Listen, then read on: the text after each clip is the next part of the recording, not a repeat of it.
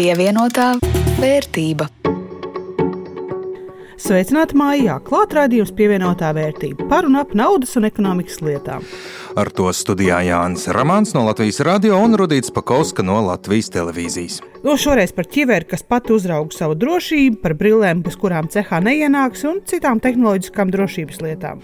Pagaidiet, pagaidiet, mēs šādi neiesoļojam zināmais nezināmajā lauciņā. Nu, varbūt mazliet, bet es ceru, ka kolēģi piedos, jo vēl runāsim par biļešu pasākumu tirgošanu un kā to ietekmēs karš Ukrainā. Un, protams, šodien ieskatīsimies arī kādā no Baltijas biržas uzņēmumiem jaunpienācējiem. Pievienotā vērtība. Par aktuālo ekonomikā. Skaidrs, ka viegli un dikti labi tuvākajā nākotnē diemžēl nebūs. Kāda klausītāja pirms nedēļas mums pārmeta, ka par daudz esot sliktu ziņu, un mēs pat pensiju ātrāk indeksāciju esam pamanījušies sabojāt, pārāk indīgi norādot uz politisko vēlmu veikt to īsu brīdi pirms vēlēšanām. Vairāk tā nedarīt, un arī mazāk to darīt nesolam, bet šoreiz kompensācijai sāksim ar labo. Ļoti iepriecinoši ir gada pirmā ceturkšņa iekšzemes koprodukta dati. Ekonomikai pieaugums gadu laikā par 5,9%, bet par 2,2% salīdzinot ar iepriekšējo ceturksni. Pašķitinot datus dziļāk, detaļās izrādās, ka šis sekmīgais gada sākums lielā mērā ir pandēmijas beigu nopelns. Līdz šim ierobežotajās nozarēs pieaugums par 6,3%, kamēr tiem, kurus pandēmija īpaši neietekmēja, kāpums bija par nieku 0,2%. Un jāatceras, ka gada pirmā ceturkšņa rezultāts arī vēl neietekmē Krievijas sāktais karš Ukrainā. Ir skaidrs, ka tas būs visai strauji pavilcis izaugsmi uz leju, līdz ar energoresursu cenu kāpumu, kurš pārmets arī uz visām citām preču un pakalpojumu jomām, aug risks, ka Eiropas Savienības ekonomika kopumā nonāks recesijā.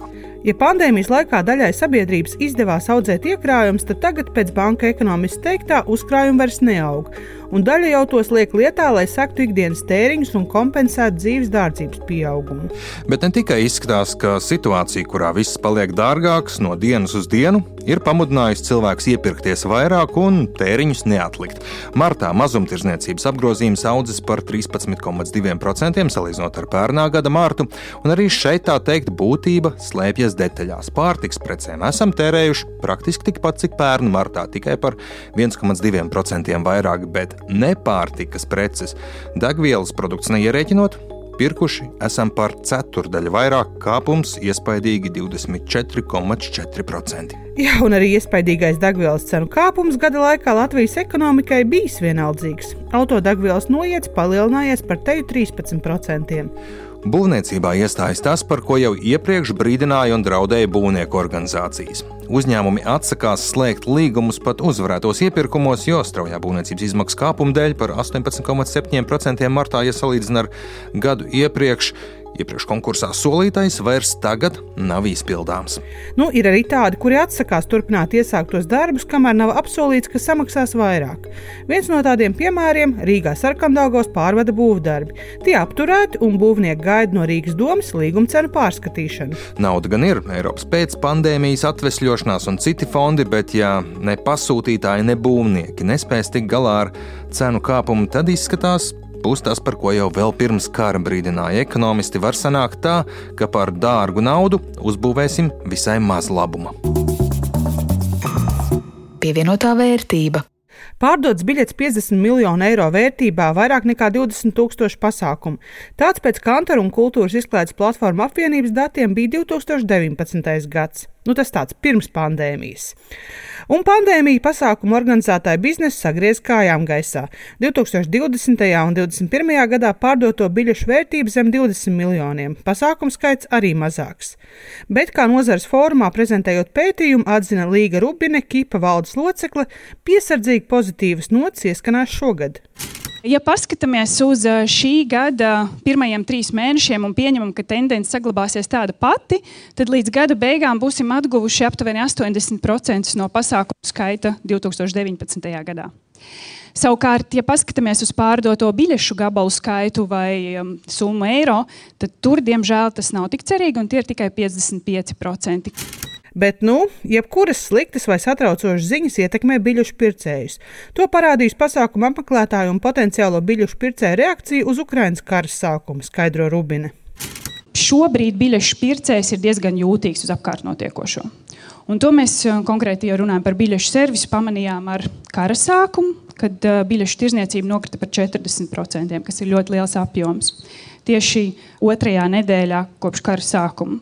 Tad šobrīd tas ir atjaunojies, un tur salīdzinoši cilvēki ir pieņēmuši, ka tas nav īsti draudz šeit pat blakus pilsētā, ka tev būtu jāsāk uztraukties. Bet nu, ir skaidrs par to, ka, ka cilvēki kļūst piesardzīgāki par saviem plāniem ilgtermiņā. Tātad, kur viņi tērēs? Īpaši, ja mēs runājam par dārgajām biļetēm vai par pasākumiem, kuru noris ir plānota pēc pusgada. Pievienotā vērtība.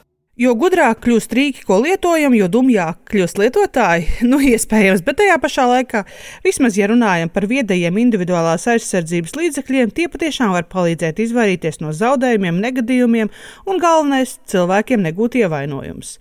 Un kā to var nojaust no Latvijas drošības konferencē teiktā, ja ne nākamgad, tad aiznākamgad dažni dažādi viedaizsargi būs realitāte arī Latvijas uzņēmumos. Bet kas tie īsti ir? Konferencē skaidroja Linda Matisāne no Valsts darba inspekcijas. Tie ir kā, parasti individuālie aizsardzības līdzekļi, kuru primārā funkcija ir aizsargāt cilvēku bet viņi pie reizes vāc kaut kādus datus. Viņos ir iekļauti sensori, viņi ar Bluetooth vai um, internetu palīdzību uh, nosūta datus kaut kur uzkrāt. Mobilais telefons, planšete, serveris, un tad viņi dod kaut kādu informāciju atpakaļ nu, kas uh, brīdina vai uh, dod kaut kādu uzdevumu kaut kādām sistēmām adaptēties. Izklausās sarežģīti, bet praktiski visvienkāršāk par to ir domāt kā par kārtējo viedo asistentu, un pielietojuma darba drošībā ir ļoti plaši. Tad austiņas, kas adaptējas apkārtējās vidas skaļumam, tas nozīmē, ka tu vienkārši atkarībā no telpas, cik skaļā troksne ir, viņas to darbinieku aizsargā vairāk vai mazāk. Aizsargbrilles, kas adaptējas apgaismojumam, aizsargbrilles, kas pēc acu zīlītēm spēj noteikt darbinieku miegainības pakāpi, kas, piemēram, būtisks ļoti ir nakts darbā. Aizsargbrilles, kuros ir čipi, kas darbojas kā elektroniskās atslēgas. Nu, piemēram, mums vairs nav čips, ar ko tev pie durvīm jāpieskarās bet tu tikai vari iekļūt konkrētajā telpā, ja tu esi uzlicis konkrētās brilles. Sistēmas, kas reģistrē aizsargu ķiveru nolietošanos, piemēram, viņi uzskaita, cik reizes aizsargu ķiveri ir nokritusi zemē un pasaka, hei, šī aizsargu ķivera vairs nav lietojama, jo viņa ir pārāk daudz reizes nokritusi zemē. Un tie ne tuvu nav visi iespējamie viedie aizsardzības līdzekļi. Tur pa vidu vēl ir plašs spektrs no cimdiem, kas paši pasaka, vai ar tiem drīkst strādāt ar šo substanci, līdz apģērbam ar iestrādātiem sensoriem un GPS. Bet nu, arī uzņēmumam jārēķinās ar īpašām problēmām, ko var radīt tieši šie vietpalīgi. Piemēram, ja tev ir tēkrakls ar kaut kādu sensoru, nu neiemetīšu viņu izmazgāties vienkārši veļas mašīnā, jo tur kaut kas var noiet greizi. Otra lieta ir, ka vieda aproces ir jālādē, iespējams, arī individuālos aizsardzības līdzekļus šādā kontekstā ir jāuzlādē. Tas nozīmē arī, ka tev ir jāsagatavojas darbam pirms tam iepriekš. Jo, nu, zinat, ko nozīmē, kad jūs, piemēram, nevarat sazvanīt savu bērnu, kurš pasakā, ah, es aizmirsu uzlādēt telefonu. Ja? Un tad jums darbinieks teiks, es aizmirsu uzlādēt. Kaut ko no savas šiem individuāliem aizsardzības līdzekļiem, tad, protams, tā ir pavisam cita saruna. Arī, piemēram, kuram uzņēmumā būs pieejams sensori savāktie dati kaut vai par darbinieku sirdsdarbības ritmu, kā izmantosim iebūvētos sensorus negadījumu izmeklēšanā, un noteikti radīsies arī ētiskas dabas jautājumi. Ja, piemēram, viens no pirmajiem individuālajiem aizsardzības līdzekļiem, kas pasaulē tika lietoti, tie ir ugunsdzēsēji, kuriem darba apģērbā tika iestrādāta informācijas vākšana par noguruma pakāpi, kur dati tika pārraidīti uz pulti, un tad, tad tas, to darbu vadītājs varēja, balstoties uz šiem noguruma datiem, atsaukt darbinieku nu, no konkrētās ugunsdzēšanas operācijas. Ko nozīmē, ja šie dati tiek savākti, un tu redzi, ka cilvēkam ātrāk, viņš cilvēks ātrāk nogurst nekā pārējie cilvēki, un viņš ir ātrāk jāatcauc. Bet vai tas ir par pamatu, lai darbinieku atlaistu? Atkal ētikas dabas jautājums, protams, nē. No otras puses, mums ne visi darba devēji ir ētiski. Un te ir vienmēr jāskatās, ar kādu mērķi šie dati tiek vākti. Un atgriežoties pie tehnoloģijām, kas mūs padara dumjākus, tas bieži vien, diemžēl, notiks cilvēkam akli paļaujoties uz tehnoloģijām. Un tad arvien lielāka vērtība būs tiem, kas turpinās domāt. Tā plaisa starp domājošajiem un nedomājošajiem nenormāli palielināsies. Daļa cilvēku droši vien izmantos visas šīs tehnoloģijas kā savu smadzeņu paplašinājumu un kļūs labāki, avansētāki, gudrāki un izmantos viņus savā labumā, un citi tikai paļausies uz tehnoloģijām tālāk līdzi, nedomājot. Ķeramies pie biržas lietām. Pērnā nedēļa īpaši, es teiktu, asiņaina bija Rīgas biržā. Ja Tallinā 0,85% kritums, Viļņā pat neliels 0,15% kāpums, tad Rīgā 7,07% mīnusā. Ģeopolitisko kolīziju dēļ liels kritums Latvijas gāzei. Nedēļas laikā cenai vairāk nekā 15% mīnusā. Situācija manā portfelī mierīga, saņēmu dividendus no Šauļu bankas, nu vismaz kāda priecīga ziņa šajā nestabilajā laikā, un tā visa rezultātā mans portfels no sākotnēji ieguldītajiem 300 eiro pieaudzis līdz 406 eiro un 68 centiem. Kā tev vedies? Man tāda mierīga aizdītā nedēļa to noslēdz ar kopējo portfeļu vērtību vērtību 467 eiro. Principā turpat, kur vēl pirms pāris nedēļām, bet nu, šobrīd jau laikam jāpriecājas, ja ieguldījumi nav mīnusos. Bet uh, man te, Rudīt, ir vēl kāda laba ziņa. Tā kā tavā portfelī es zinu, ka ir apģērbu tirgotāja apranga akcijas, tev gaidāmas vēl visai dāsnas dividendes. 50 centi par akciju izmaksās pie vienas akcijas cenas, kas šobrīd 2,50 sanāk 20% klāt. Dividendes saņems visi tie, kuriem 12. maijā aprangas akcijas būs īpašumā. Tā kā līdz tam laikam nepārdod. Nu jā, es arī ar priecīgām gaidām aplūkoju savas aprangas akcijas, bet pievienotās vērtības turpinājumā palūkosimies, kā veicies kādam no biržā kotētajiem uzņēmumiem. Šajā reizē biržas jaunpienācējs Igaunu jaunu uzņēmums Robus Group. Pirms vairāk nekā nedēļas investoriem bija iespēja iegādāties akcijas sākotnējā publiskajā piedāvājumā. Un Linda Zalāna skaidro, cik pieprasīts ir Robus grupu akcijas un kādas ir uzņēmuma izaugsmas ambīcijas. Robusts ir starptautisks sporta un veselības tehnoloģiju uzņēmums, kas galvenokārt darbojas Lielbritānijā, Francijā, Nīderlandē, Šveicē, Zviedrijā un Igaunijā. Robusts produkts būtībā ir viegli pārnēsājams sporta ekipējums, un tas sastāv no patentēta treniņu aprīkojuma un treniņu video platformas, ļaujot klientiem veikt treniņus jebkurā vietā un laikā. Pavisam nesen Aprīlī Robus sāka kotēt akcijas Nasdaq Rīga alternatīvajā sarakstā. Turpina ieguldījuma eksperts Invil pensiju fondu valdes priekšsēdētājs Andrēs Martīnos. Uzņēmums nāk no Igaunijas. Tas ir tāds startups, uzņēmums, kurš ir sācis strādāt uh, savu dar darbību nu, pirms diviem gadiem. Jā, viņi nodarbojas ar uh, sporta aprīkojuma pārdošanu un arī ar tādu speciālas treniņu platformas izstrādes. Nu, īstenībā es domāju, ka tas brīdis, kad viņi sāka to darbību, sakrita tieši ar Covid, un tas bija diezgan populārs un pieprasīts produkts.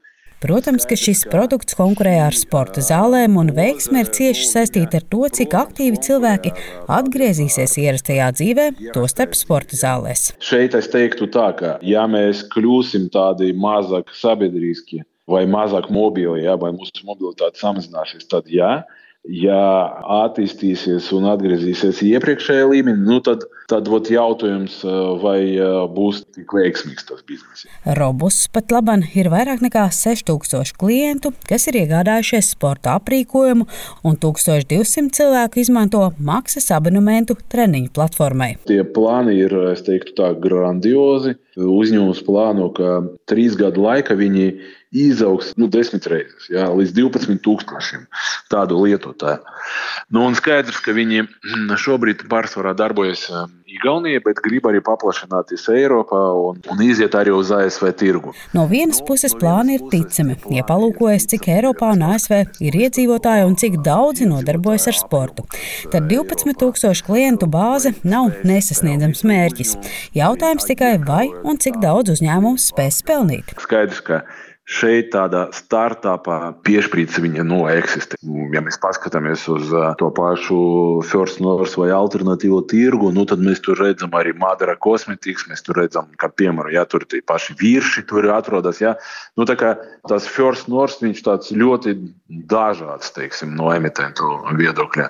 Bet kā uzņēmumam veicās akciju sākotnējā publiskajā piedāvājumā? IPO viņam veicās, es teikšu, ļoti labi. Pat, pat pārsteidzoši labi. Tur gandrīz pusotrs tūkstotis investoru piedalījies, un tās pieprasījums nu, jau tradicionāli pārsniedza piedāvājumu nu, gandrīz par 30%. Ja? Kas apstākļos, kad nu, šobrīd nu, tā, tie, kā tā kara darbības tas viss tāds nu, negatīvais noskaņojums gan tirgu, gan arī biznesai. Nu, tad, tādus apstākļus es domāju, ka ļoti labs uh, sasniegums. Un cena bija 3,34 eiro.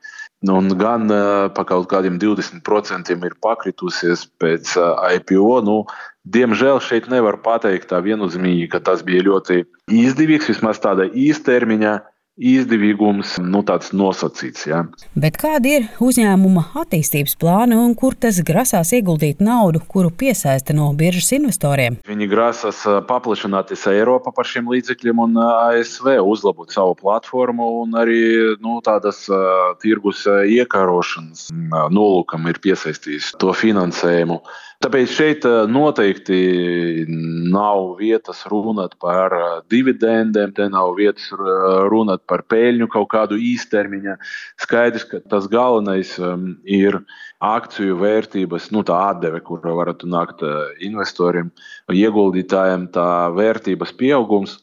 Dēļ tā, ka viņi tirgus apjomu pieaugs, ka viņi iekaros tos jaunus klientus, un varbūt viņi kļūs par jaunu modes lietu un tādu, kas būs nu, gan arī katram piektajam cilvēkam, kas nodarbojas ar sportu. Laiks rādīs, vai uzņēmuma ambiciozie plāni realizēsies, un cilvēki arī pēc pandēmijas un tostarp ierobežojuma atcelšanas būs gatavi sportot individuāli mājās, nevis doties uz sporta klubu.